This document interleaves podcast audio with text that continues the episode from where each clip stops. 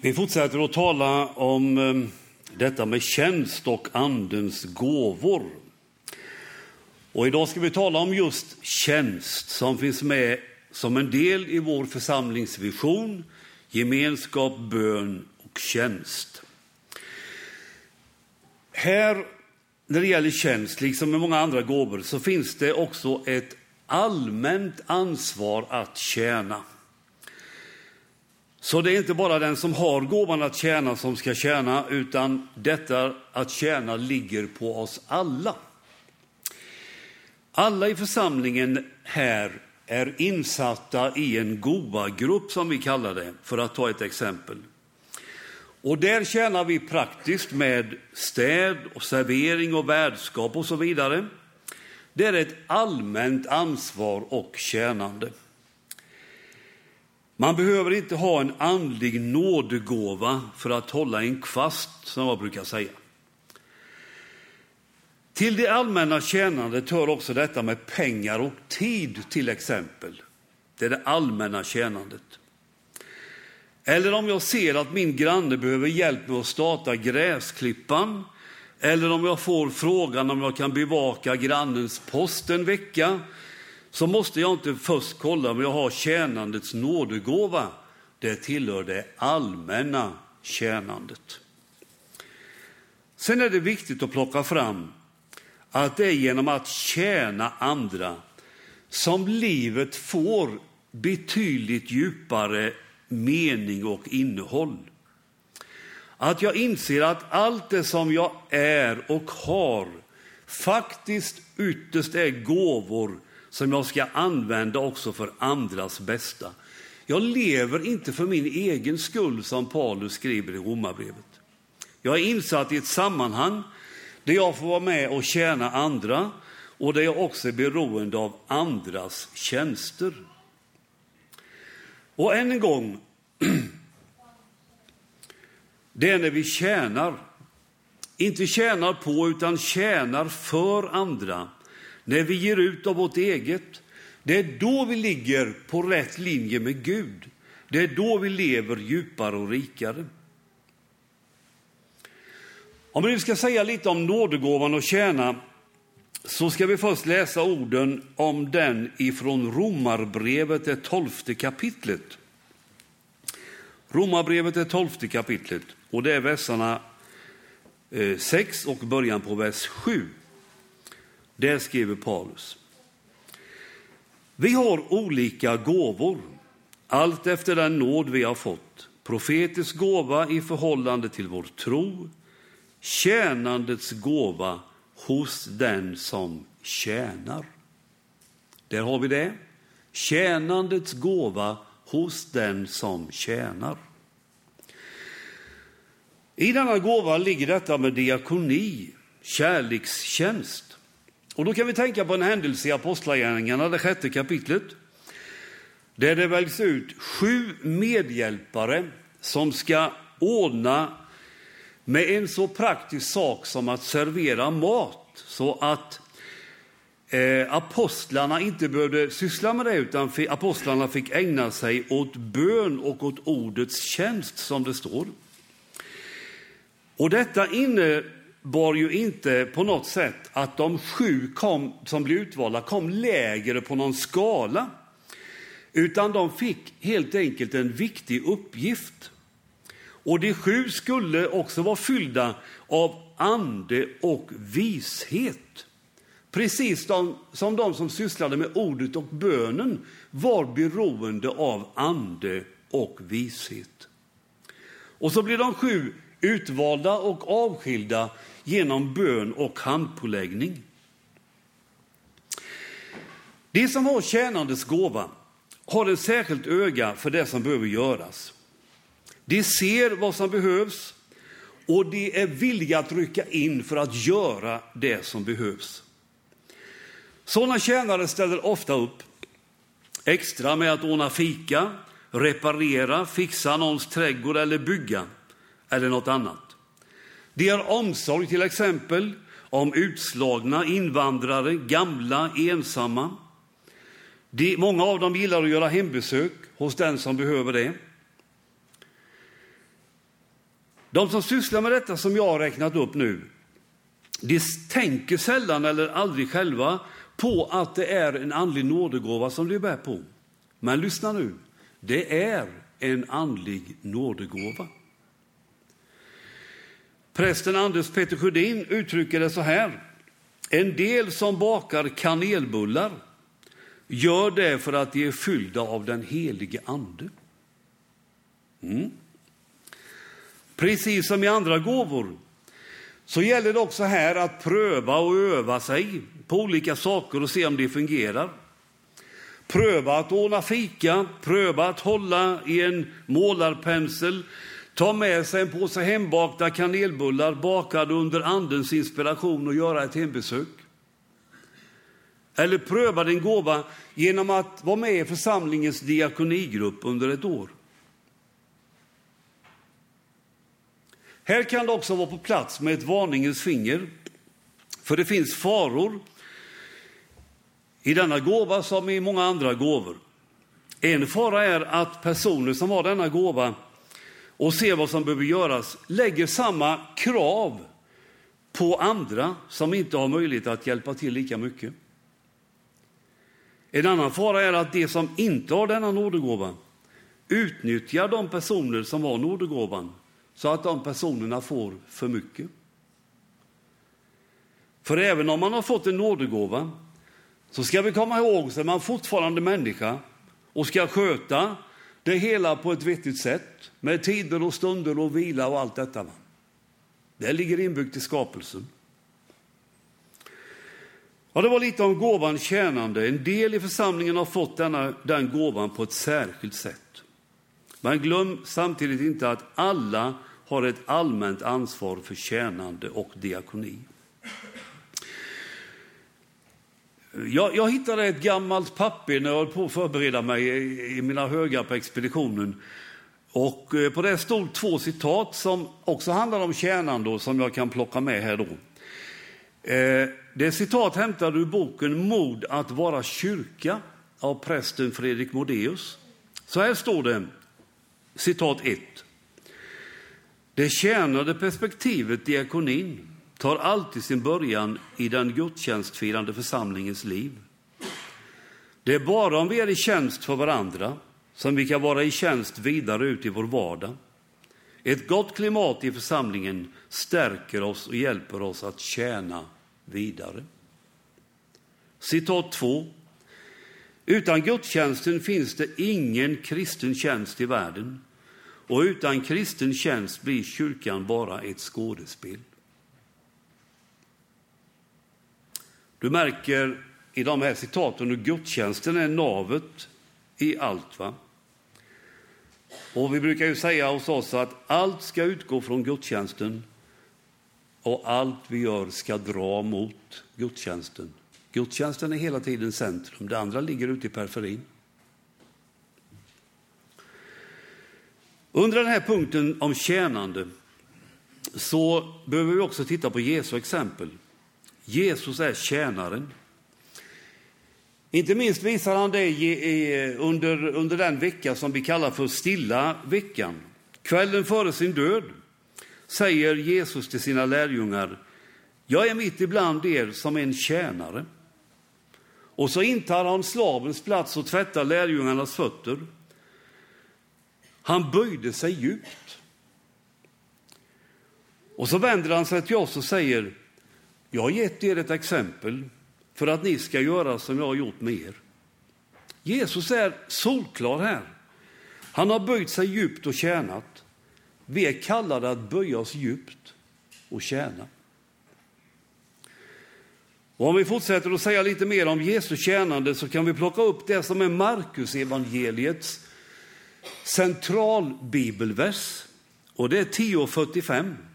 Där står det Människosonen har inte kommit för att bli tjänad utan för att tjäna och ge sitt liv till lösen för många. Och så de orden som man tror var en hymn, någon slags lovsång bland de första kristna. Det är Filipperbrevet 2 där det står att Jesus avstod från allt och antog en tjänares gestalt och han blev som en av oss. Jesus har gett oss ett grundexempel som vi är kallade att följa när det gäller tjänst. Och Jesu tjänande visar också att detta är segervägen. När Paulus i Filipperbrevet skriver om Jesu tjänande in i döden så fortsätter han, därför har Gud upphöjt honom över allt annat. Det finns ett mönster här som säger att tjänande för andra i förlängningen alltid leder till något gott. Korset visar oss att det är så och det måste vi kunna lita på. Så byter vi spår. Vi ska också säga lite om bön. Denna fantastiska gåva och möjlighet. För tänk dig nu att han som är universums skapare, han som håller allt, precis allt i sin hand, han som bär allt hela tiden och som samtidigt följer dig och mig in i minsta detalj. Han vill ha kontakt med oss. Han längtar efter att vi ska ta tid med honom och tala med honom och lyssna på honom. Och han har gett oss denna möjlighet, denna gåva, bön. För det är en gåva. Och nu ska vi läsa en bibeltext om bön. Och det är Lukas evangeliet 11. Lukas evangeliet 11. Och nu brukar jag ha folk att stå upp när jag läser bibeltexter. Nu får ni göra det mitt i predikan. Så inte ni sitter och somnar idag. Här. Lukas evangeliet 11. Vers 5. Jesus sa till dem, tänk er att någon av er går till en vän mitt i natten och säger, käre vän, låna mig tre bröd.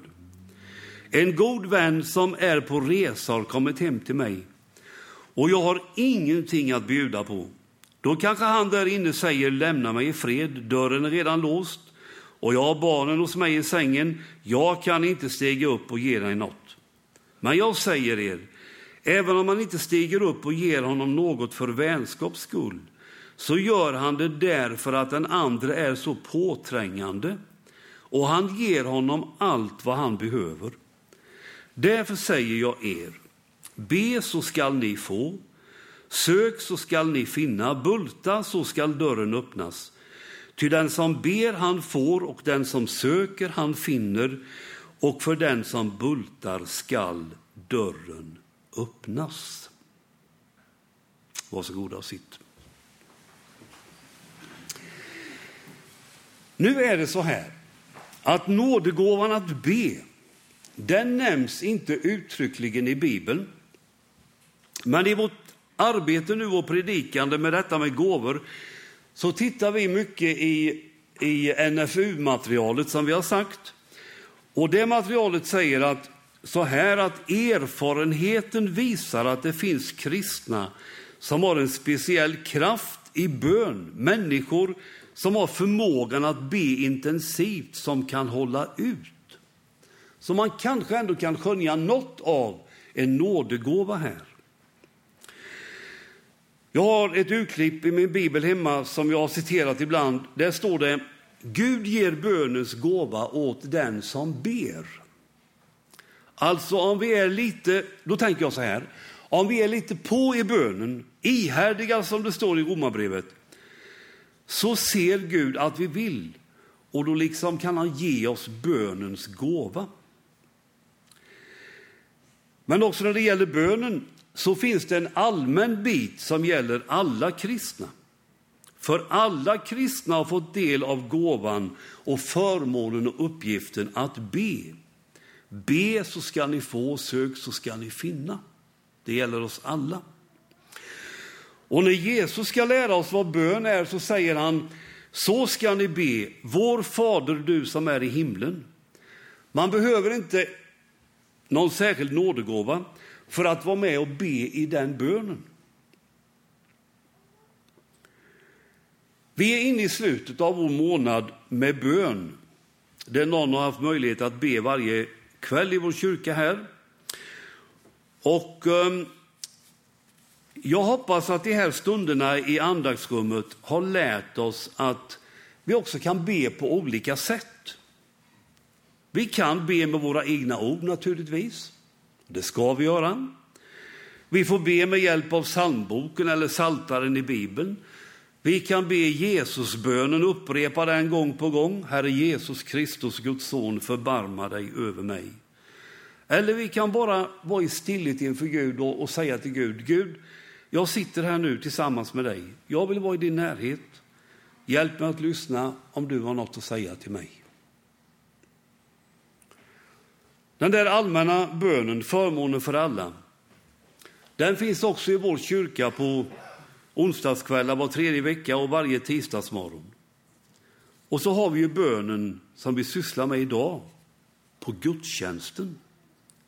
Och bönen i gudstjänsten och övrig gemensam bön, det är den bönen tillsammans med varandra som ger stadga och stabilitet åt min enskilda bön. Jag vet inte om du minns bilden jag hade en gång med stängselstolparna och trådarna som är upphängda på dem.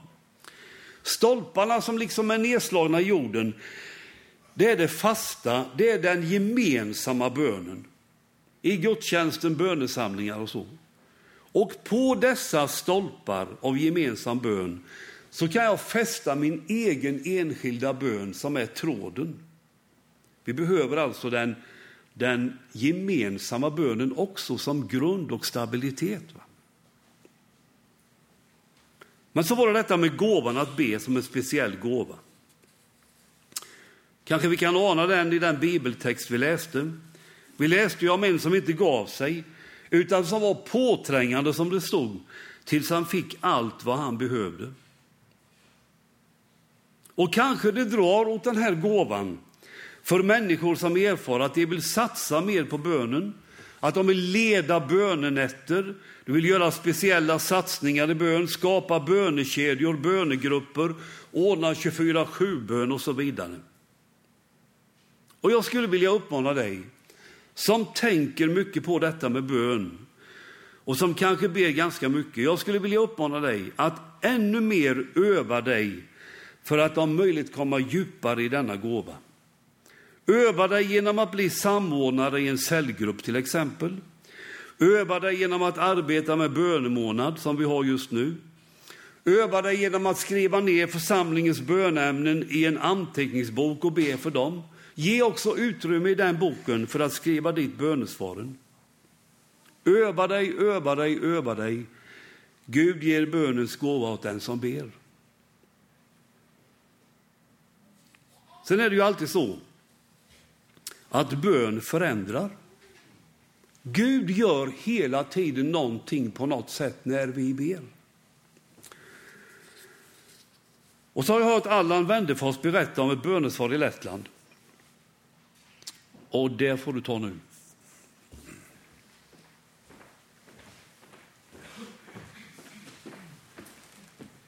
Ja, Evert bad mig att jag ska återupprepa, jag vet inte om ni har hört det, men jag, bönesvaret som vi fick i Lettland för knappt en månad sedan, eller en månad sedan. Vi var ju där med en snabbresa. Eh, vi åkte härifrån på tisdagen och vi skulle vara hemma på fredagen.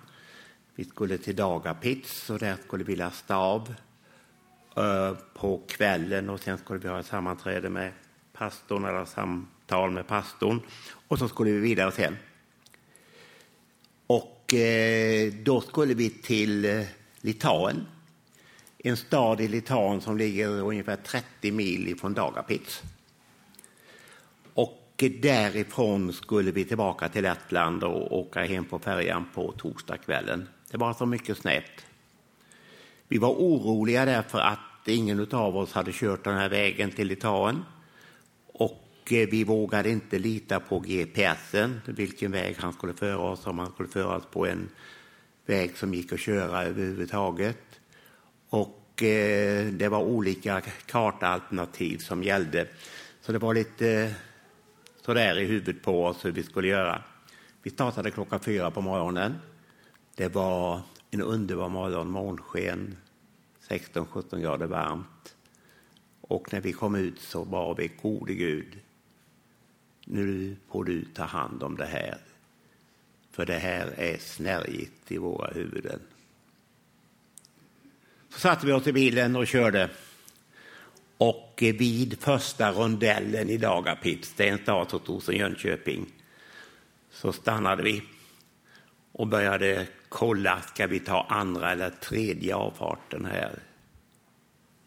Då kommer det en bil, en långtradare, kör fram, stannar framför oss och en man hoppar ur och kommer fram till oss och säger på tyska, och Birger, min kompanjon, han kan tyska. Kan jag hjälpa er? Vi tog fram kartan och sätter fingren på den stad vi ska 30 mil bort. Och han säger följ mig. Och sen kör vi genom Lettland, 15 mil, 15 mil i Litauen på okända vägar. Och så är vi framme. Sex kilometer eller fem kilometer ifrån industriområdet där vi skulle lasta blinkar han med högerblinkersen och sätter ut handen och GPSen tar över de sista vägstycket. Ja, för mig, stanna i Ekhagsrondellen, ska norr om Oslo till en liten stad och någon klockan fyra på morgonen leder mig hela vägen. Tack, gode Gud, för att du finns.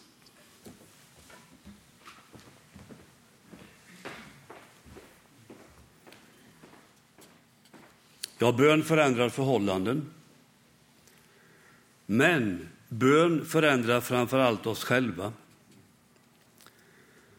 Det är inte meningen att vi genom bönen ska förändra Gud. Det är Gud som ska förändra oss.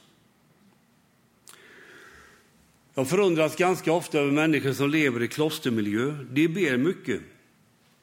Förutom enskilt ofta fyra gemensamma stunder för bön varje dag, tidebönen. Det är texter ur Saltaren väldigt mycket. Det är solklart att Gud gör något i dessa människors liv när de ber med Bibelns egna ord. Gud gör något med oss när vi tar tid för honom. Han förändrar och förvandlar.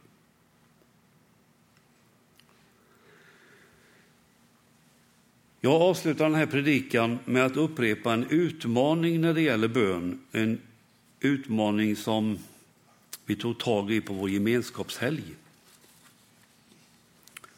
Förbered gudstjänsten genom att be för den innan du går hit eller nu är på väg hit. Vi har olika förutsättningar för det, det sa jag då.